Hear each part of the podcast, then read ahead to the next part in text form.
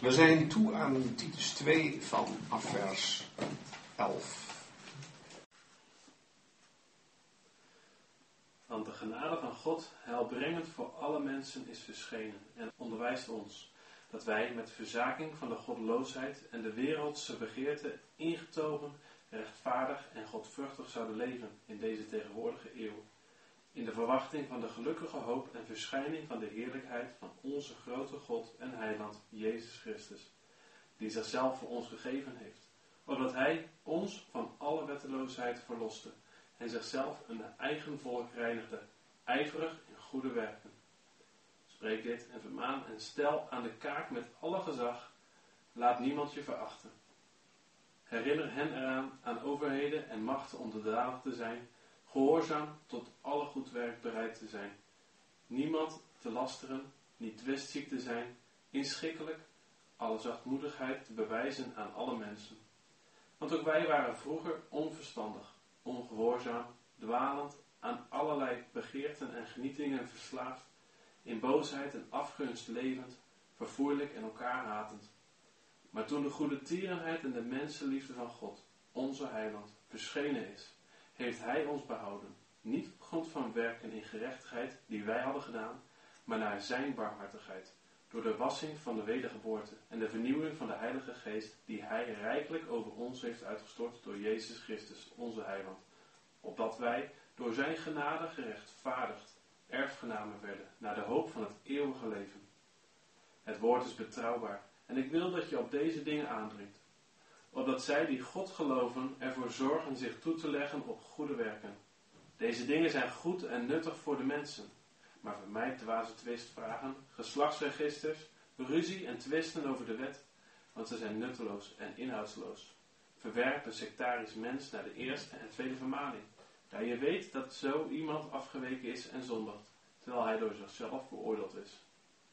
Wanneer ik Artemas of Tychicus tot je zend, beijver je dan tot mij te komen in Nicopolis, want ik heb besloten daar te overwinteren. Help ijverig Zenas, de wetgeleerde, voort, en Apollos, opdat het hun aan niets ontbreekt. En laten ook de onze leren zich toe te leggen op goede werken voor de noodzakelijke behoeften, opdat zij niet onvruchtbaar zijn. Jouw groeten allen die bij mij zijn, groet hen die ons liefhebben in het geloof. De genade zijn met jullie allen. Ja, vorige keer hebben we tot en met 2 vers 10 besproken. En toen gezien dat het een brief is aan Titus. Aan een man van wie we niet zo heel veel weten. En de afzender, dat was Paulus, die begon in 1 vers 1 met zijn eigen naam. En dan zou je zeggen, ja, is dat dan niet persoonlijke correspondentie? Paulus aan Titus, is het niet een beetje raar om zomaar mee te kijken?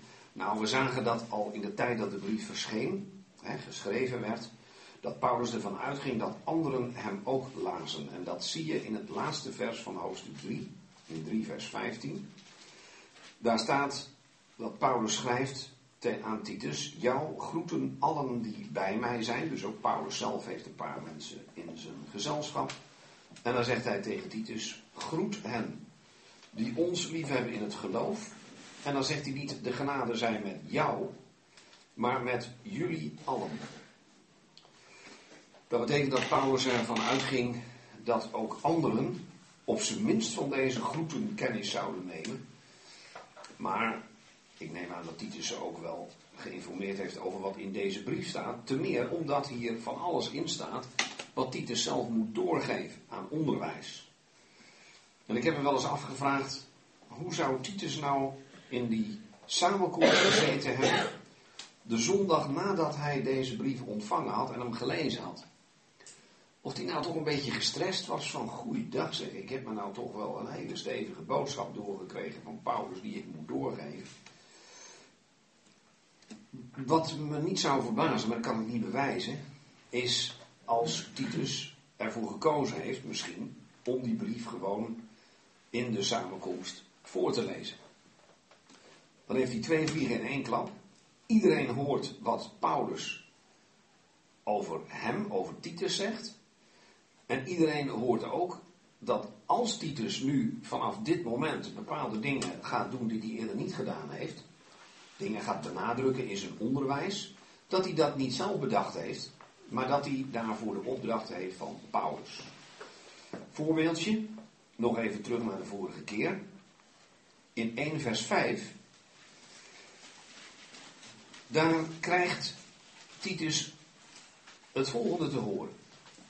Titus 1 vers 5, om deze reden heb ik je op Kreta gelaten.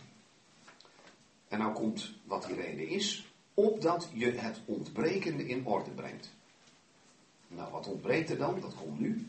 En in elke stad oudsten aanstelt, zoals ik je opgedragen heb.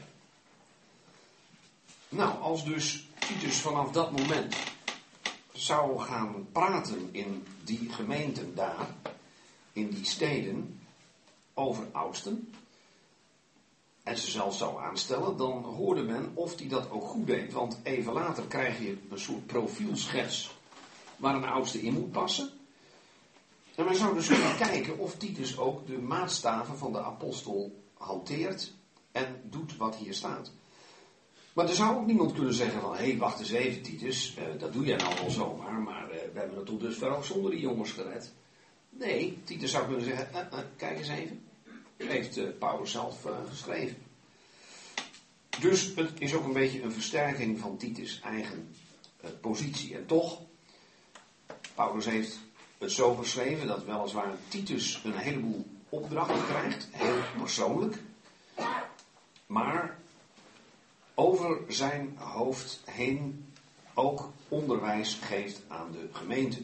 Voorbeeldje nog, hoofdstuk 2, eerste vers. staat in het voorafgaande iets over allerlei uh, moeilijke dingen, dingen die uh, niet goed zijn. En dan moet Titus een uitzondering durven zijn. En dan staat er in 2 vers 1, maar jij, nou dat is Titus, spreek wat de gezonde leer past. We hebben de vorige keer gezien dat Titus dan te horen krijgt wat hij uh, moet benadrukken als het gaat om oudere mannen. In vers 3 om oudere vrouwen. In vers 6 om jongere mannen. En in vers 9 heeft hij het ook over de slaven. Nou, het unieke van het christendom is dat daar ook christenslaven en christenmeesters in één gemeente zaten. Toch doet Paulus niet of dat ineens uh, dingen zijn die er niet meer toe doen. Titus moet ook rekening houden, niet alleen met iemands geslacht, maar ook met iemands leeftijd. We hebben het over die mannen en die vrouwen gehad. Oude mannen, oude vrouwen, ook jonge vrouwen. Maar ook speciaal zich moet richten tot de slaven. En al die mensen hebben in de gemeente, als Titus dit tenminste heeft voorgelezen, kunnen horen dat Titus een taak heeft voor deze mensen en ook kunnen ze als het ware controleren of hij het goed doet. Als dat zo is, dan hebben ze het zelfs twee keer gehoord. Horen voorlezen door Titus en vervolgens in het onderwijs Titus dit horen benadrukken. Is een beetje speculeren, het staat er niet letterlijk, maar ook al zou hij dat niet gedaan hebben, Titus zou iedereen dit kunnen laten lezen die tegen hem zou zeggen, maar ja dat zeg jij nou wel, maar dat, uh, wie ben jij om ons dat zomaar te vertellen? In uh, het slot van de vorige keer, dat was vers 10 van hoofdstuk 2, zagen we dat hij iets moois zei over de slaven. Dat die aan het uh, midden van vers 10 alle goede trouw moesten bewijzen en dat staat in plaats van verkeerde dingen die ze niet mochten doen. Hè. Je kunt natuurlijk het negatieve benadrukken. Vers 10, ze mochten niet tegenspreken, dat deden slaven vaak. Ze mochten geen spullen van de meester pakken, hè, niet dingen ontvreemden. Maar ze moesten alle goede trouw bewijzen. Met als doel, hè, op dat geeft altijd een doel aan, opdat ze de leer van God, onze heiland, in alles versieren. Paulus zegt niet mijn leer, de leer van Paulus, ook niet die van Titus. Is de leer van God onze heiland. En hij zegt als het ware beste slaven.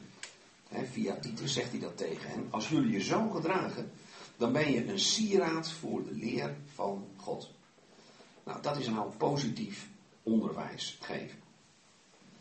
Nou, dan komt het stukje waar we zijn begonnen te lezen. En ehm, in de titel die het geheel voor vanavond draagt, daar hebben we gezien dat uh, God dat praktische onderwijs geeft voor het heden, maar met het oog op de toekomst. En we zullen straks ook zowel het heden als de toekomst in dit gedeelte terugvinden. Maar eerst kijkt Paulus nog even naar het verleden.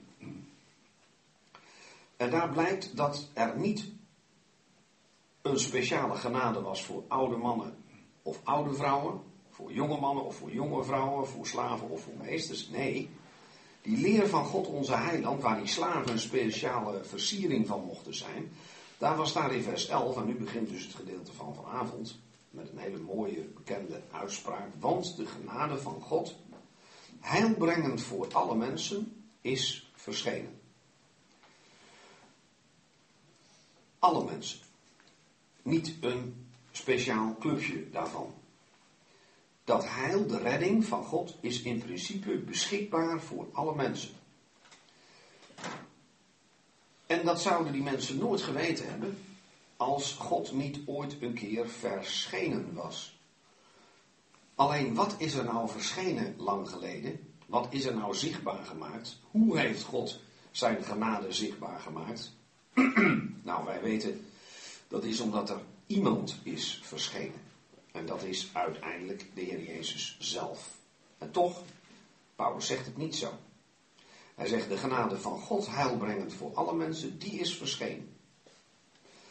En dan zou je kunnen denken, ah, gelukkig, genade.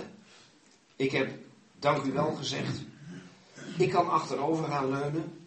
Mijn verzekering voor de hemel is uh, getekend. Ik uh, kom goed uit en intussen, uh, ach, kabbelt het leven wel een beetje voort en doe ik zo'n beetje waar ik zin in heb. Nee, zegt Paulus. Die genade die heeft twee dingen gedaan. Die is verschenen, dat is het verleden. En ineens schakelt hij over naar de tegenwoordige tijd. En dan zegt hij, en onderwijst, en dan staat er niet alle mensen, onderwijst ons. Hé, hey, dat is interessant, zo'n wisseling in één zinnetje. Hè? Dat is even uitleggen op de vierkante millimeter. Dat is toch heel belangrijk. Die de genade van God, die is in principe heilbrengend. Die stelt het heil beschikbaar voor alle mensen. En dan weet Paulus, ik schrijf deze brief aan Titus en die gaat ermee naar gelovigen. En dan zal zichtbaar worden in het onderwijs van Titus dat hij speciaal onderwijs geeft aan de gelovigen. Dus alle mensen hebben die ook het heil aangenomen, dan weten wij dat dat niet zo is. Iedereen van ons kent mensen voor wie het heil wel beschikbaar is, maar die nog niet dank u wel hebben gezegd. Die niet ja hebben gezegd. Die misschien zelfs nog nee zeggen. Oké, die voor hen is dat onderwijs dat nu volgt niet bedoeld. Daarom zegt Paulus, die genade, die zo groot is dat die heil brengt voor alle mensen, en die ook verschenen is, die onderwijst ons, dat zijn de gelovigen, dat wij, en dan lijkt het eerst even negatief, met verzaking van de goddeloosheid en de wereldse begeerten, ingetogen, rechtvaardig en godvruchtig zouden leven in deze tegenwoordige eeuw. Paulus zegt eerst wat we als het ware heel bewust achter ons moeten laten. En dan zegt hij als eerste dat is de goddeloosheid. Dat woord goddeloosheid is een lastig te vertalen woord. In, de, in het Grieks zit het woord God er niet in. Het is het woord dat staat tegenover vroomheid. En het woord, woord vroomheid betekent letterlijk goed vereren het op de juiste wijze vereren, namelijk van God. En daar staat dit woord tegenover, en dat is dus letterlijk het niet vereren. Het niet respect hebben voor God. Nou, zegt Paulus, als het ware, dat doen ongelovigen. En wij moeten daarvan, van die houding, bewust afstand nemen. Dat is het eerste, dat laten we achter ons. Dat verzaken we, dat verlogenen we. We zeggen daar als het ware nee tegen, tegen die goddeloosheid. nou, vaak is Paulus zo dat als hij twee begrippen noemt, dat de tweede keer vaak een, toelichting is een stukje gevolg op het eerste. Want hoe wordt die goddeloosheid concreet? In het tweede wat daarna staat, dat zijn de wereldse begeerten. Alle verlangens die horen bij deze wereld. En dan bedoel ik niet deze schepping.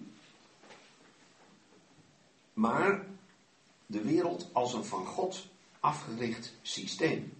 Niet de mensenwereld, maar het door Satan beheerste geheel, waarvoor de Heer Jezus geen plaats is. Dat soort begeerten. Dingen willen voor jezelf alleen,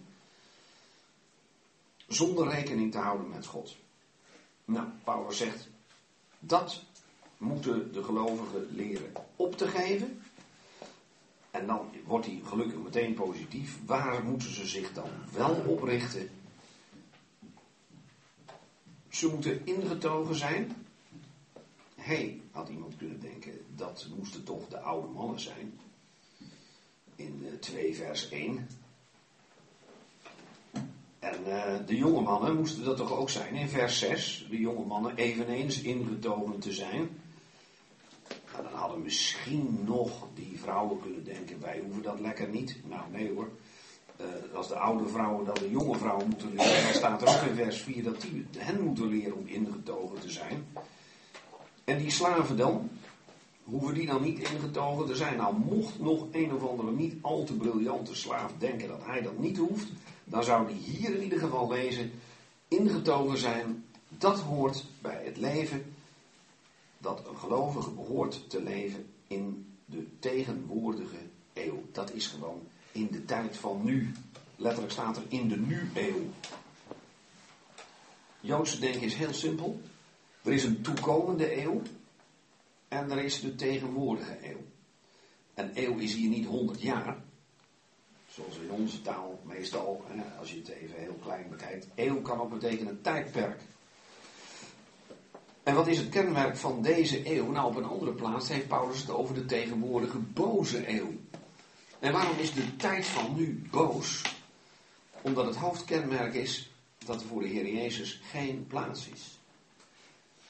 Men heeft hem afgewezen. Men erkent zijn gezag niet. Dat komt nog. Dat is de toekomende eeuw.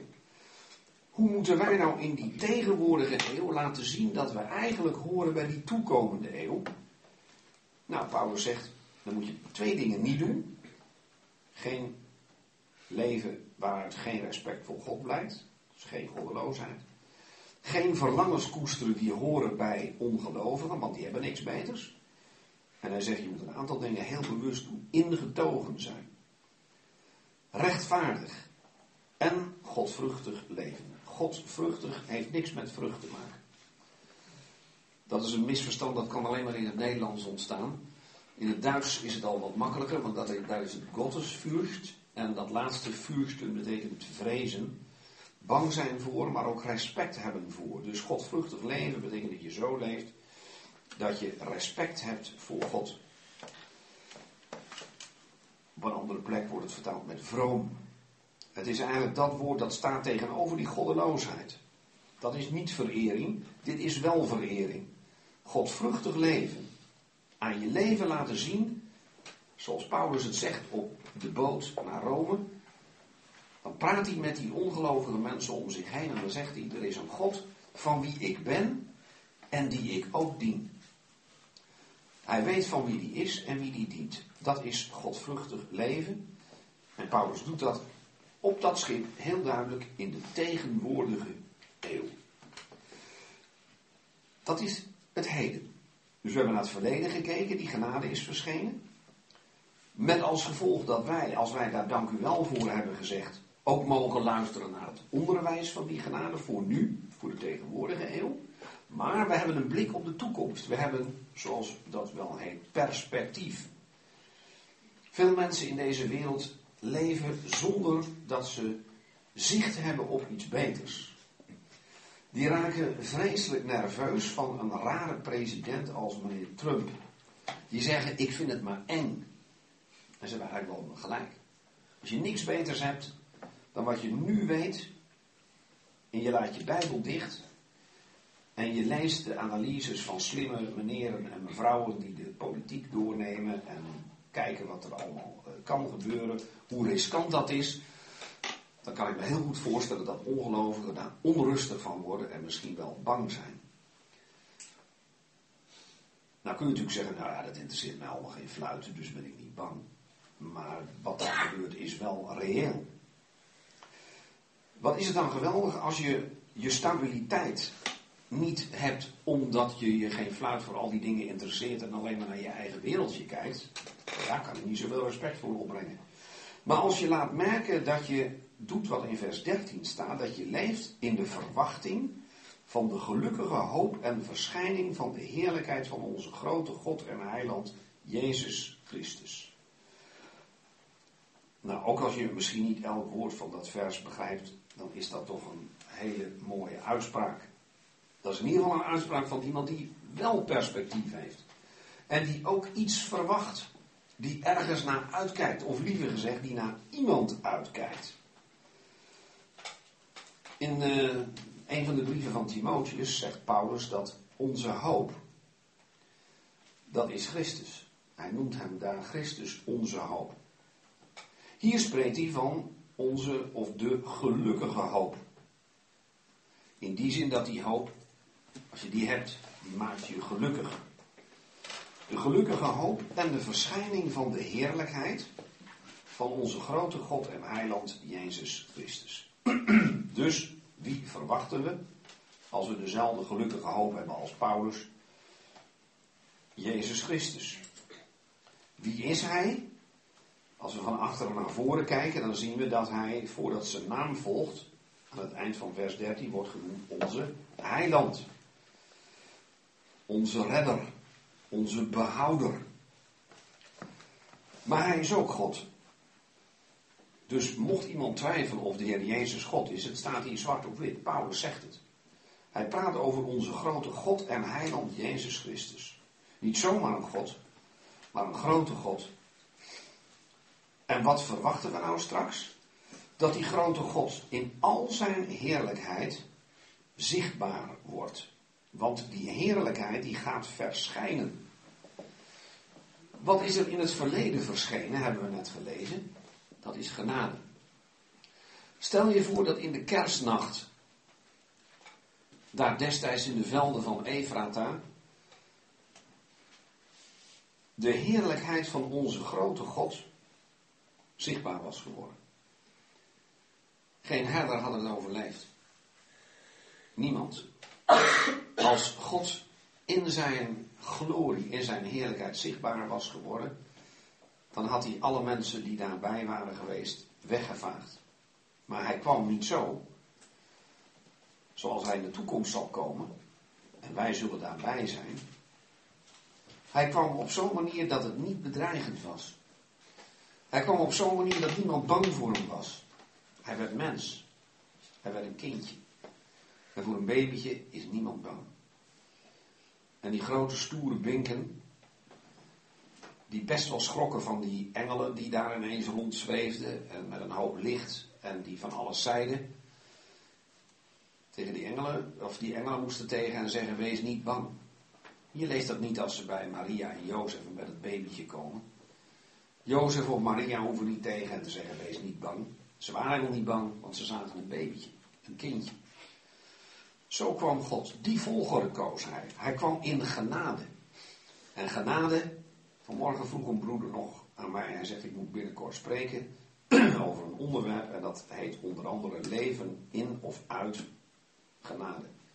En die schreef mij, hoe zou jij nou het begrip genade zo kort mogelijk definiëren? Het was vlak voor het eten. Corrie had al geroepen. Dus ik denk, nou, dat moet, dat moet het ook echt snel. dus ik schreef, uh, ik zeg meestal dit, genade is onverdiende gunst van Gods kant. En als Paulus praat over het feit dat wij in de genade van God staan, dan betekent het dat we bij God in de gunst staan. En het tweede wat ik nog net kon toevoegen, en toen moest ik echt naar beneden, is het woord genade is verwant met het Nederlandse woord gratis. Oftewel, je krijgt het voor niks. Je hebt het niet verdiend, je krijgt het voor niks. Het is gunst van Gods kant. Nou, zo is God begonnen. Zo kwam hij. En wie dat aanneemt, die krijgt meer. Die mag hopen op iets groters, wat in enorme tweestrijd, hoe zeg je dat? Tegenstelling bedoel ik staat met nu. Met een tijd van goddeloosheid, van onrechtvaardigheid, van niet godvruchtig leven. Van een tegenwoordige boze eeuw. Nee, daar mag je een gelukkige hoop hebben. Want God gaat zichtbaar worden, of liever gezegd de Heer Jezus. Matthäus 24 zegt de Heer Jezus zelf in zijn grote profetische redenvoering dat eh, na de grote verdrukking de Heer Jezus zal verschijnen met macht en grote heerlijkheid. En dan zullen alle mensen dat zien. Nou, als je de Heer Jezus kent, is dat niet een eng moment. Want we hebben hem in genade gezien, we hebben hem aangenomen, maar dan zullen we daar zelfs bij zijn. Dan mogen we zeggen, wat geweldig dat dit gaat aanbreken. Want dan komt er een einde aan de tegenwoordige boze eeuw. En dan gunnen we de Heer Jezus een plaats van zichtbare heerlijkheid, niet alleen maar nu in de hemel aan de rechterhand van God op de troon, waar geen enkele ongelovige hem ziet, maar dan zal hij geopenbaard worden aan de wereld. En dan zullen de ongelovigen zien van dat hij, voor wie ze nu geen plaats inruimen, wiens gezag ze niet willen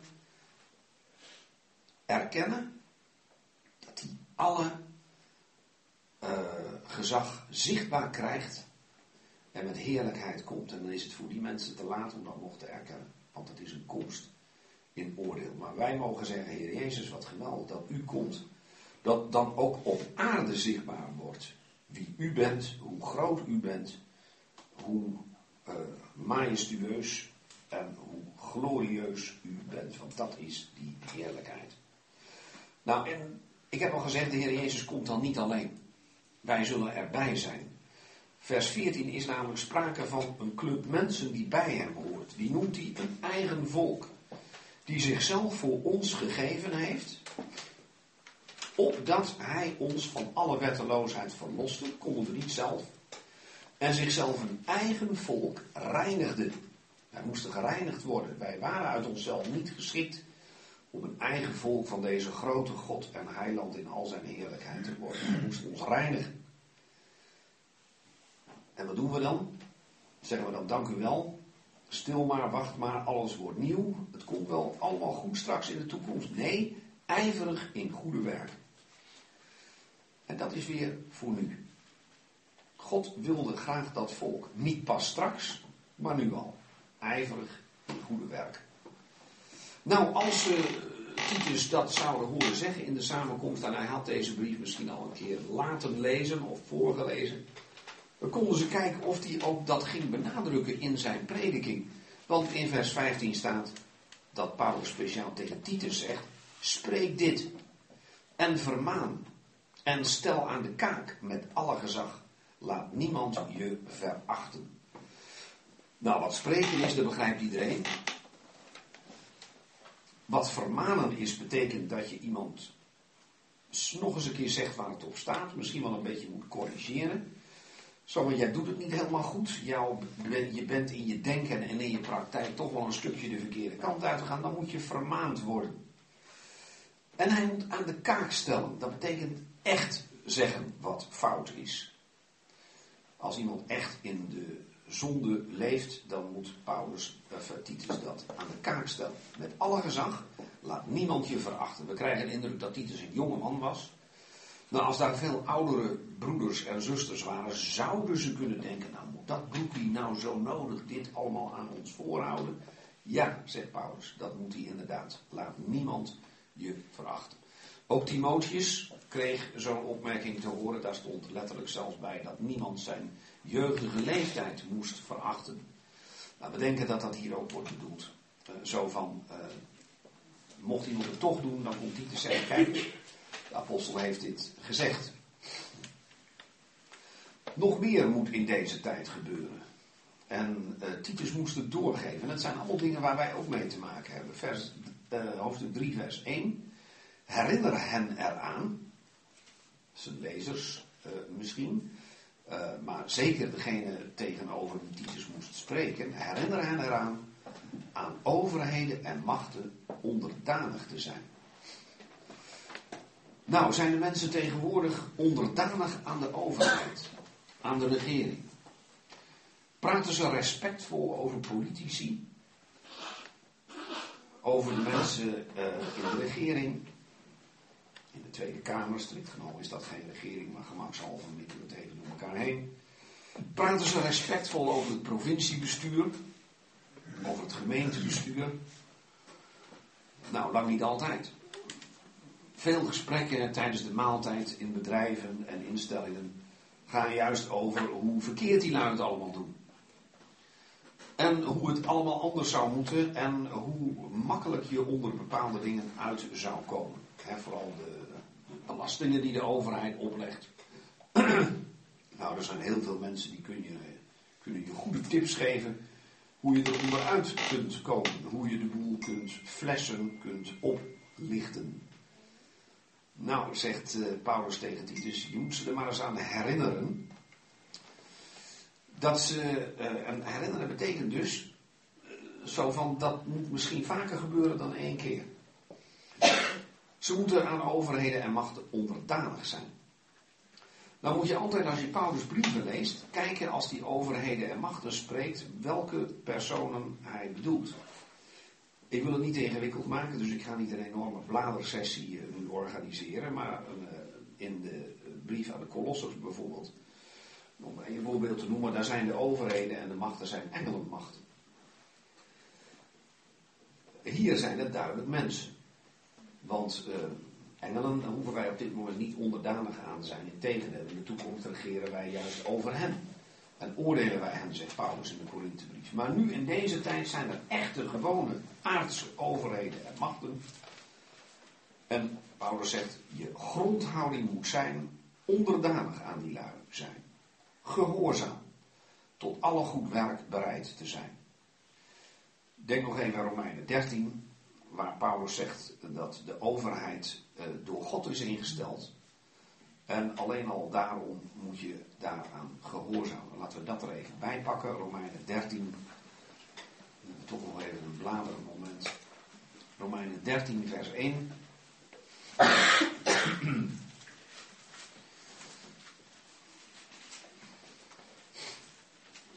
Daar staat, Romeinen 13, vers 1.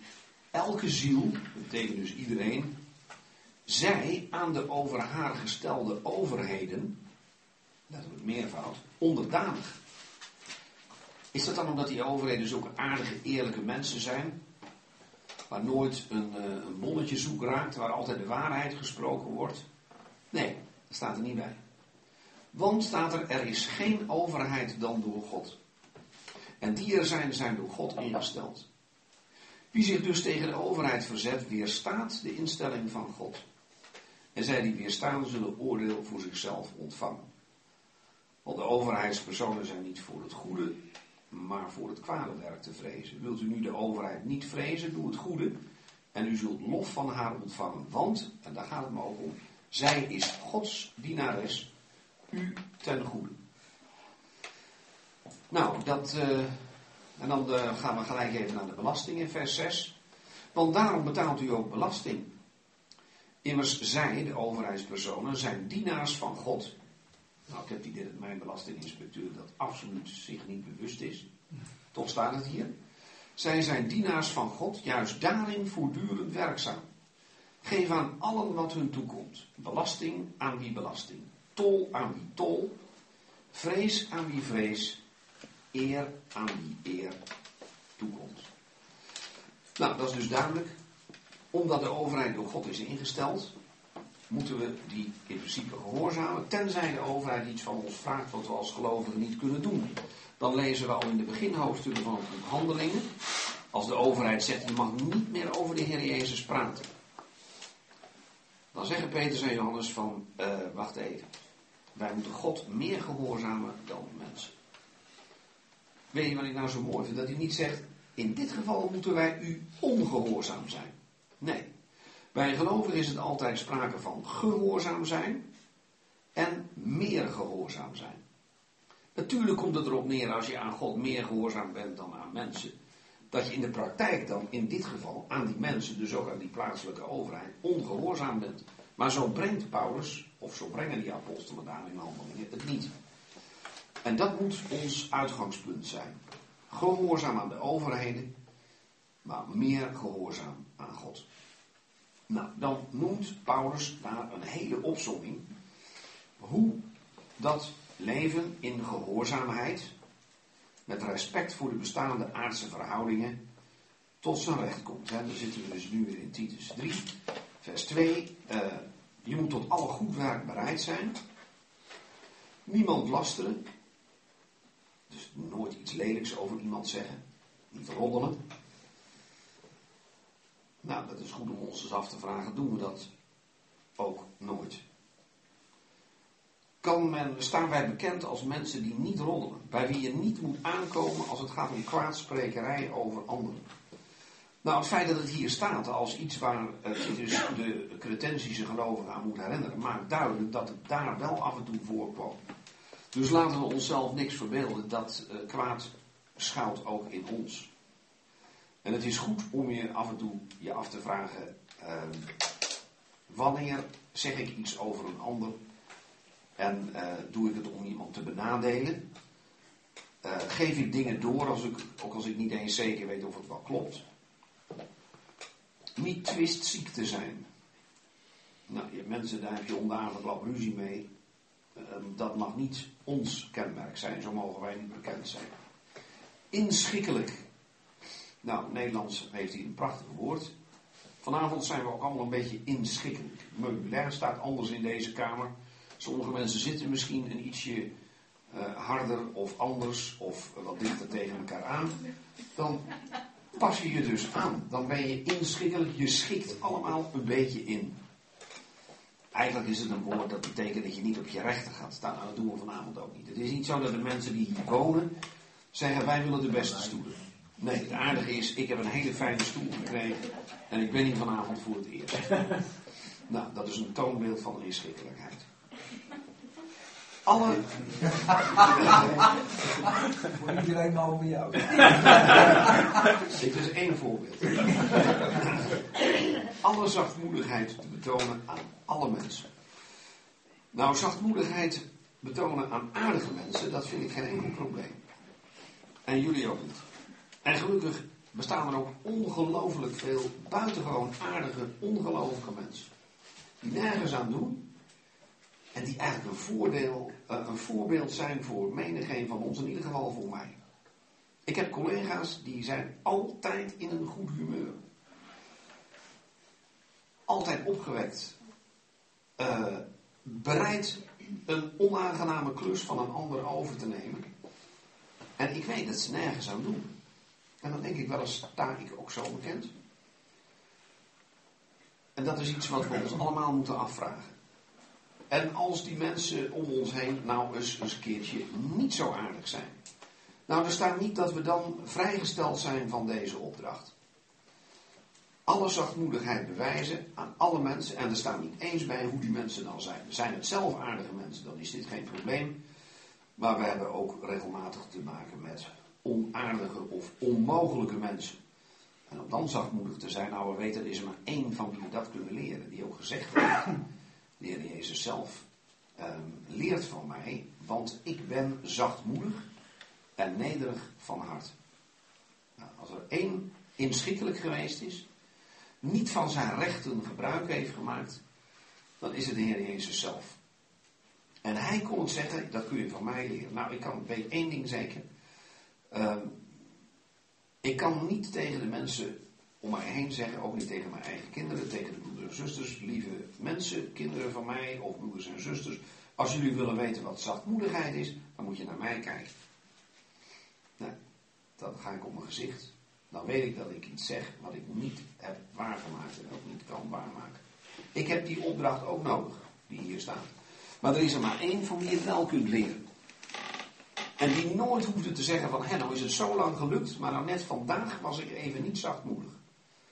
De Jezus was dat altijd. En aan alle mensen.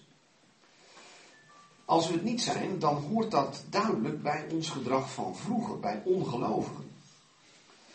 Dus als wij willen weten hoe kunnen we nou laten zien dat we gelovigen zijn, ja, dan is dit een van die belangrijke dingen. Want hoe zit het met ongelovigen? Hoe waren wij in het verleden? Nou, Paulus zegt, dat zal ik je even laten horen. Dit is dus daarmee in strijd. Want ook wij, vers 3 van hoofdstuk 3, waren vroeger onverstandig, ongehoorzaam, dwalend, aan allerlei begeerten en genietingen verslaafd.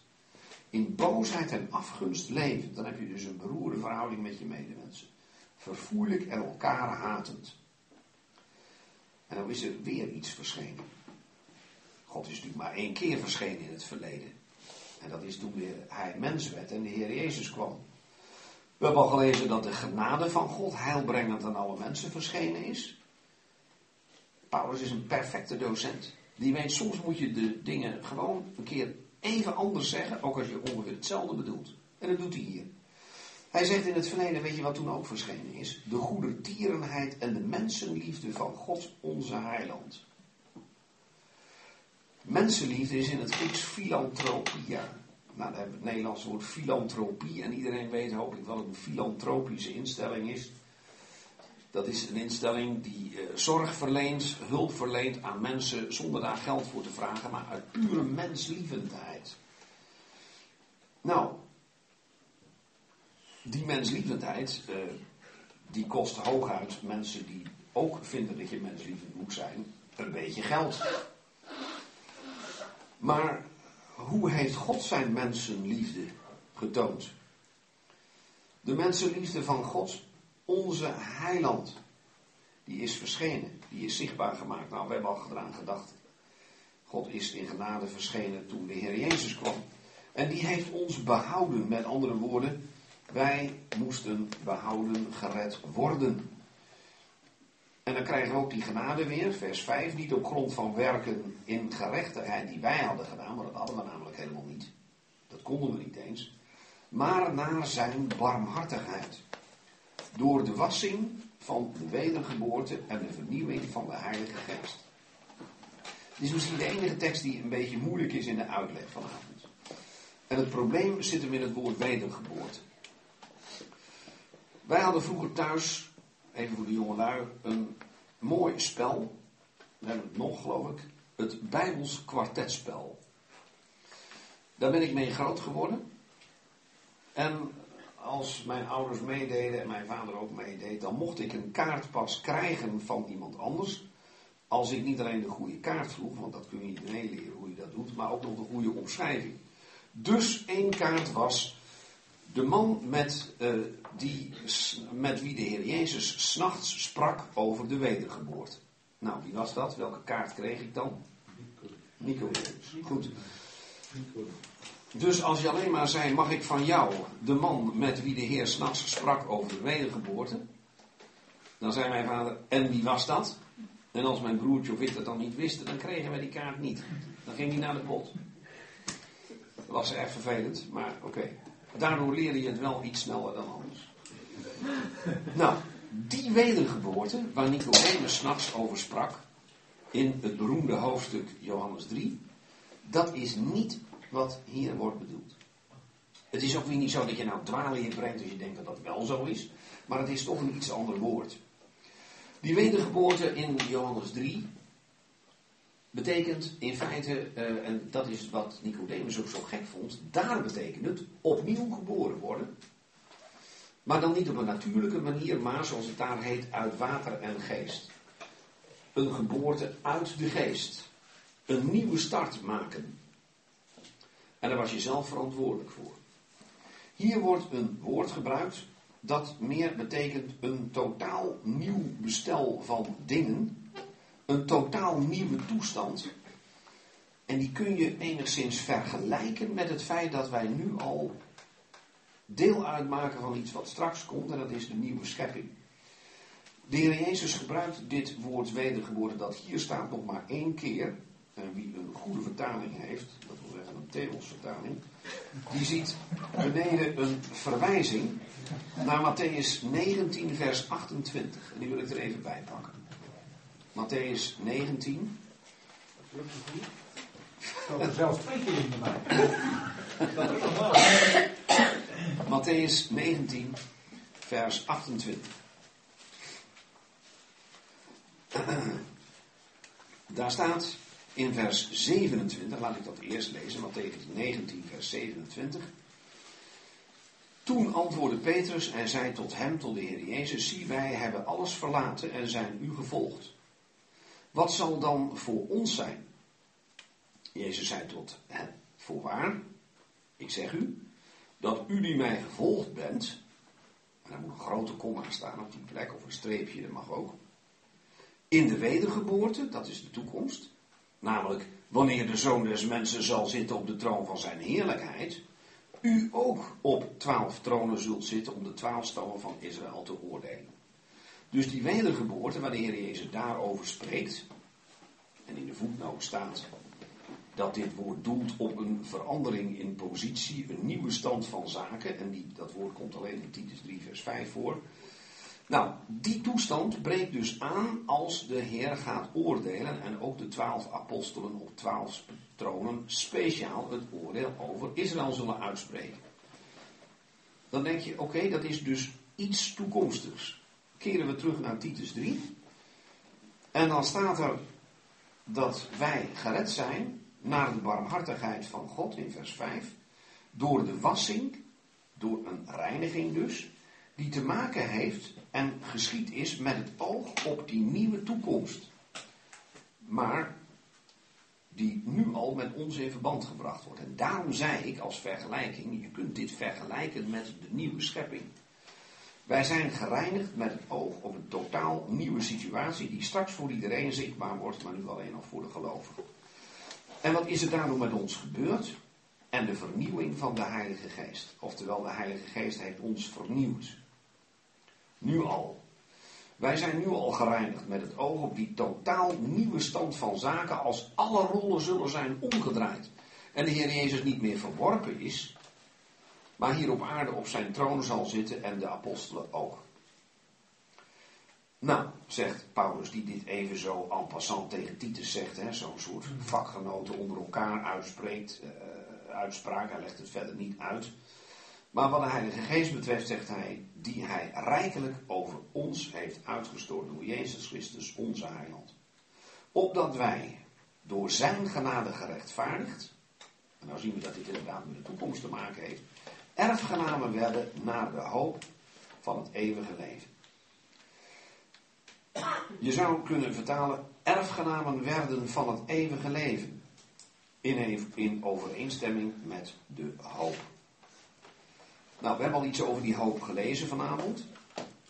In vers 13 van hoofdstuk 2 was sprake van de gelukkige hoop en van de verschijning van de heerlijkheid van onze grote God en Heiland Jezus Christus. Dat moet nog komen. Daar hopen wij op, daar rekenen wij op, daar zien wij rijkhalzend naar uit. Nou, ook hier in hoofdstuk 3 is weer sprake van die hoop. Maar nu wordt het een beetje abstracter gezegd, namelijk dat het iets te maken heeft met het eeuwige leven. Daar zijn wij erfgenamen van. Even een tip.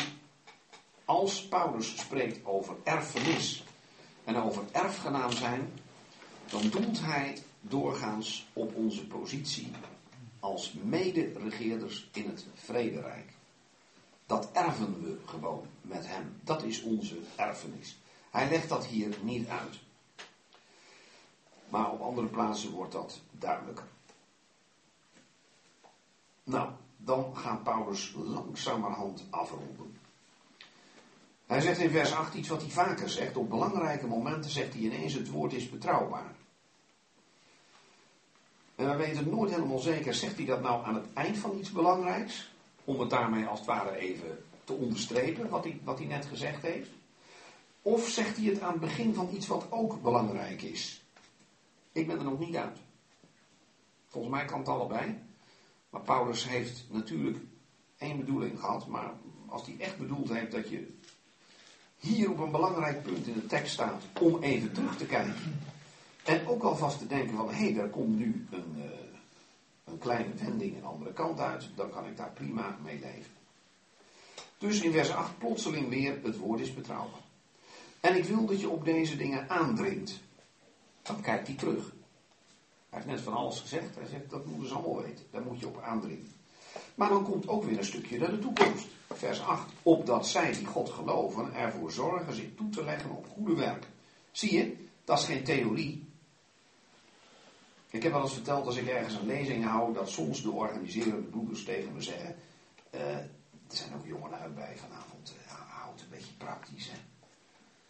En dan eh, alsof daar een enorm onderscheid is tussen wat je leest, waar je van geniet, en dat wat gaat over de praktijk van ons leven. Nou, hier zie je dat dit uitermate praktisch is. Dus wat ik net zei over die wedergeboorte en die vernieuwing door de Heilige Geest, dat klonkt misschien een beetje theoretisch, een beetje moeilijk. Maar Paulus zegt, ik denk uh, Titus, dat het heel goed is als je op die dingen aandringt.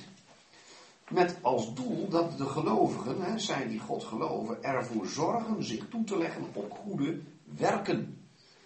En goede werken betekent dat je echt wat doet. Dat je als het ware uit je stoel komt. Dat je actief wordt voor andere mensen en het christendom zichtbaar maakt. Deze dingen zijn goed en nuttig voor de mensen. En dan zegt hij, en dan zal ik ook nog even een opzomming geven van wat niet nuttig is voor de mensen.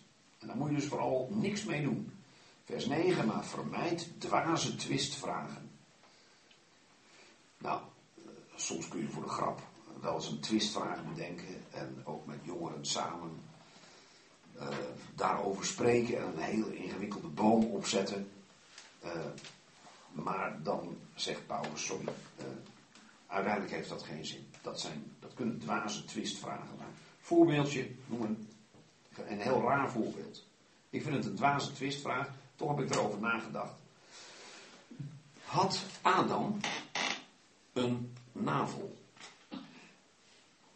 Zeer interessante vraag. Maar geen zinvolle vraag. Je kunt er eindeloos over nadenken. En ik heb dat ook gedaan hoor, met mensen over gepraat. Uh, je komt er, uh, voor je geestelijk leven is dat niet echt uh, opbouwend. Maar een interessante vraag. Maar ik reken het tot een dwaze twistvraag. wij hebben er nooit ruzie over gemaakt overigens. maar dat kan ook. Als iemand echt er vast van overtuigd is dat het niet zo is en een ander dat het wel zo is, ja, dan wordt het een twistvraag. Daarmee samenhangend geslachtsregisters. Nou, we hebben al een keer gezien dat het hier vooral gaat over Joodse geslachtsregisters.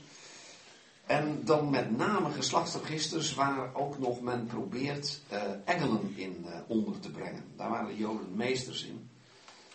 Uh, en er staat een geschiedenis in het Oude Testament, Genesis hoofdstuk 6 waar engelen zich vermengen met menselijke vrouwen en dat leidt tot het ontstaan van reuzen. Nou, dat wisten de Joden ook en die hadden ook in allerlei buitenbijbelse fantasieën geslachtsregisters bedacht waar ook engelenmachten in voorkwamen. En anderen wilden het weer nog interessanter maken. Uh, Paulus zegt, uh, moet je vermijden. Ruzie en twisten over de wet lijkt me duidelijk, want ze zijn nutteloos en inhoudsloos. Nou, die vraag die ik net opperde, die is nutteloos en inhoudsloos. Het is op Paulus toegedacht, hey, wacht even, ik moet nog één waarschuwend geluid laten horen en dan gaan we over de, persoonlijke dingen. Verwerp een sectarisch mens na de eerste en tweede vermaning. Ik las, pardon, ik hoorde een van de broeders voorlezen, iemand daar links ergens, die las een kettersmens Heel interessant. Um, het woord ketters is afgeleid van het woord dat hier letterlijk staat. In het Grieks staat hairetikos en daar komt ons woord ketters vandaan. Alleen wat is nou een sectarisch mens? Dat is iets anders dan een kettersmens overigens. Want wij bedoelen met ketterij in onze tijd dwaalleer. En een kettersmens wordt hier niet bedoeld. Sorry voor die ene vertaling. Het is echt een sectarisch mens. En secten kom je in de Bijbel namelijk tegen. De secte der Fariseërs is bijvoorbeeld een secte. Maar Paulus spreekt ook op andere plaatsen, in de eerste Korinthebrief eh, bijvoorbeeld, over mensen die aan sectevorming doen door zich bijvoorbeeld te gaan noemen naar leiders.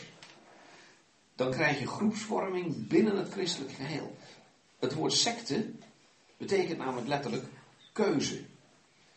En het kan zijn dat je zegt, ik wil alleen maar samenkomen met gelovigen die net zo denken als ik over uh, bijvoorbeeld de toekomst. Dus keurig op volgorde, opname van de gemeente, uh, daarna een periode van ongeveer zeven jaar met eh, de grote verdrukking en eh, de antichrist en herstel van het Romeinse Rijk. En na die periode de verschijning van Christus in heerlijkheid. Dan het oordeel voor de grote witte troon. En dan ehm, ja, een, een, een eeuwige eh, toestand en daaraan voorafgaand daartussenin nog het vrederijk. Nou, en ik weet dat er allemaal varianten zijn. Mensen die zeggen, ja, de Heer komt wel terug. Maar dat is niet voor de grote verdrukking, dat is tijdens de grote verdrukking. Nou, die wil ik niet in mijn club hebben. Anderen zeggen, nee, ik denk dat de opname die is na de grote verdrukking. Die wil ik ook niet in mijn club hebben. Alleen die mensen die dat net zo mooi helder op een rijtje zetten als ik en ook het vrederijk voor de grote witte troon zetten. En daarna de eeuwige toestand. Nou, ik weet, ik zeg expres dat voorbeeld omdat de mensen die hier zitten het zo goed als zeker zo zien. Maar uh, ik, dat is. Uh, als we echt zouden zeggen dat mensen die daar anders over denken niet bij ons kunnen horen, niet gemeentelijk mee kunnen functioneren, dan zijn we zonder dat we dat willen een keuze aan het maken en filteren we er bepaalde gelovigen buiten die van de uitleg van diezelfde gedeelte betreft misschien net zo hard als wij zeggen dat is het woord van God, dat heeft gezag. En ik wil graag weten hoe, ik zit, hoe het zit, maar ik kom net tot een andere conclusie dan jij. Nou, dat zou ik uitermate vervelend vinden en ook best wel lastig om mee om te gaan. En vooral als iemand, uh, naar mijn idee, niet wil luisteren naar een, uh, in mijn ogen toch best heldere uh, uiteenzetting die ik daar dan misschien over geef. dat kan best zijn dat ik mijn uiterste stinkende best doe en dat iemand zegt: Sorry, ik zie dat anders. Ik heb het vaak genoeg meegemaakt. Dus dat bestaat echt.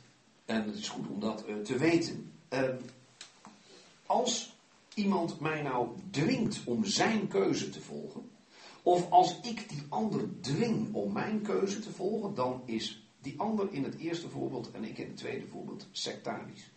Dan dwingen we elkaar naar elkaars keuzes te gaan en sluiten we anderen uit. Een ander voorbeeld waar je sectarisch in kunt zijn is de doop. En gelukkig, zeggen we meestal als broederbeweging, zijn we daar behoorlijk ruimdenkend in.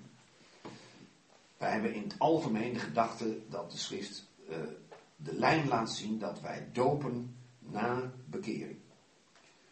En geen babytjes of kindertjes. Maar er zijn stromen onder broeders waar men de huisdoop heeft, zoals dat heet. Inclusief soms de kindertjes. Nou, daar kunnen wij anders over denken, maar dat accepteren we. Als zulke mensen bij ons in de samenkomst komen, misschien ook met een keurige brief, dan zeggen we, hoor eens, die doop. Eh, wij leggen dat iets anders uit. Wij denken dat we de schrift aan onze kant hebben. Jij denkt dat ook. Alleen, ja, volgens ons uh, zit jij er toch enigszins naast. Maar vooruit dan maar. Dat uh, mag. En dan, dan maken we daar geen punt van. Geen breekpunt. Als we dat wel zouden doen. Als wij zouden zeggen, bij ons kunnen alleen maar mensen komen die geloven in de dood na bekering en dat ook toepassen, dan zijn we op dat punt sectarisch bezig. Dan dwingen we de mensen onze keuze te volgen en wie dat niet doet, die hoort er niet bij. Nou, dat kunnen we heel makkelijk zeggen, omdat we dat op dit punt uh, tamelijk ruimdenkend uh, opvatten. En uh, Paulus heeft het niet op een sectarisch mens. En tegen Titus zegt hij, zo iemand moet je verwerpen. Daar moet je verder niet langer mee in discussie gaan, dat is eens een keertje afgelopen. Na de eerste en tweede vermaning, oké, maar dan is het ook klaar. Daar je weet dat zo iemand afgeweken is en zondigt, hij vindt het dus verkeerd, terwijl hij door zichzelf veroordeeld is. Niet zozeer dat iemand zo denkt als hij denkt, maar wel de consequentie, consequentie die hij eraan verbindt, dat hij een club om zich heen verzamelt van gelijkgezinden. Zoals de secte van de Fariseeën en de secte van de Sadduceeën. De Sadduceeën die zeiden er is geen opstanding. En er zijn geen engelen en geesten. En de Fariseeën die zeiden er is wel een opstanding en er zijn engelen en zijn geesten. En dat verdroeg elkaar niet. Uiteraard niet, want wat de een geloofde, geloofde de ander niet. Ze vochten elkaar bij wijze van spreken de tent uit. En het is een wonder dat ze zo eensgezind waren in hun haat tegenover de Heer Jezus. Die ze als hun gemeenschappelijke vijand zagen. Maar het waren secten en er zijn er nog veel meer geweest. Ook op christelijk erf. Nou, een mens die bewust aandringt op sectevorming, op groepjesvorming binnen de christenheid, binnen het christendom, binnen de gemeente. Paulus zegt, iemand die dat doet, daar moet je uh, stevig tegen optreden. Nou, dan zie je dat Paulus ook over hele gewone dingen kon schrijven.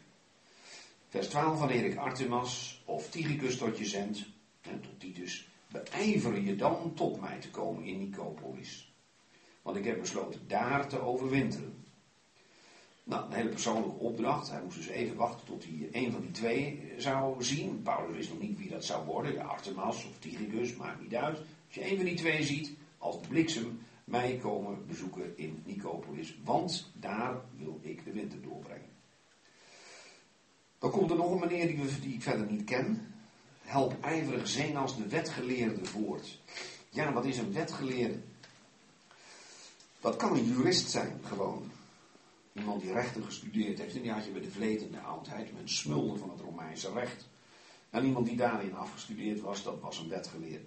Maar in de schrift wordt dit woord bijna altijd gebruikt voor een Joodse rabbi. Die kennis heeft van het Oude Testament. Van de wet van Mozes. En het kan best zijn dat dit iemand was die voor zijn bekering zo'n soort schriftgeleerde was. Een specialist in de wet van Mozes. En die nog steeds zo genoemd wordt, ook na zijn bekering.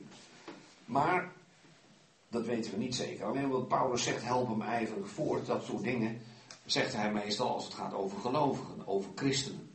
En een christen aanduiden als een wetgeleerde, ja, kan natuurlijk een christelijke jurist zijn, dan sparen we de kool en de geit als we het zo doen. Maar we kunnen ook zeggen, het is wellicht iemand die vroeger zo bekend stond. Uh, Zacchaeus uh, of Matthäus bedoel ik. Die werd ook na zijn bekering nog aangeduid als een tollenaar. Hoewel hij dat niet meer was, maar dat is wel, uh, dan weten we wel over wie het gaat. Dat zou hier ook het geval kunnen zijn dat Zenas een dienstknecht is, die ondersteuning verdient, maar die bekend staat als wetgeleerde. Nou, het getuigenis van de schrift neigt in de richting van iemand die het Oude Testament goed kent. En Apollos, die kennen we. een Jood, een welsprekend man, machtig in de schriften. Opdat het hun nou niets ontbreekt. Nou, als, als een collega van Apollos is, dan uh, lijkt het me, dan zit het wel uh, goed. Laat ook de onze leren zich toe te leggen op goede werken. Zie je wel, dan die praktijk weer. Voor de noodzakelijke behoeften. Dus uh, niet meteen je hand ophouden. In zijn algemeenheid gelovigen onderling elkaar helpen. En wat de een te veel heeft, kan weer in het tekort van de ander voorzien. Gewoon actief zijn. Opdat ze niet onvruchtbaar zijn. Oftewel, als je praktijk niet zichtbaar wordt in dit soort zaken, dan draag je geen vrucht. Dan leid je een leven zonder vrucht. Dan ben je onvruchtbaar. Nou, dan krijgt hij tenslotte de groeten van Paulus. En van allen die bij mij zijn. Hij moet ook zelf hen groeten die ons liefhebben in het geloof. Dus niet alleen maar ons aardig vinden, sympathiek.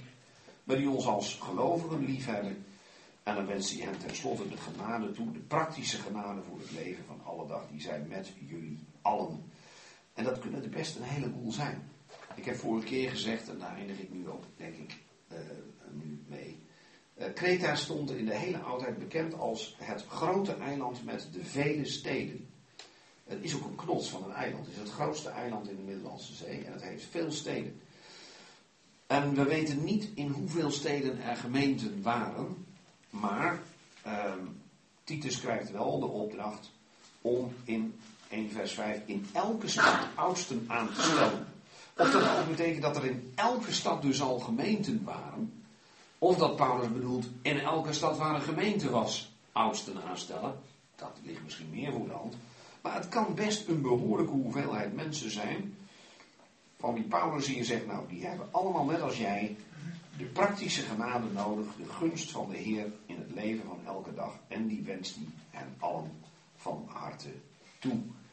En daarmee is de brief en ook mijn inleiding ten einde.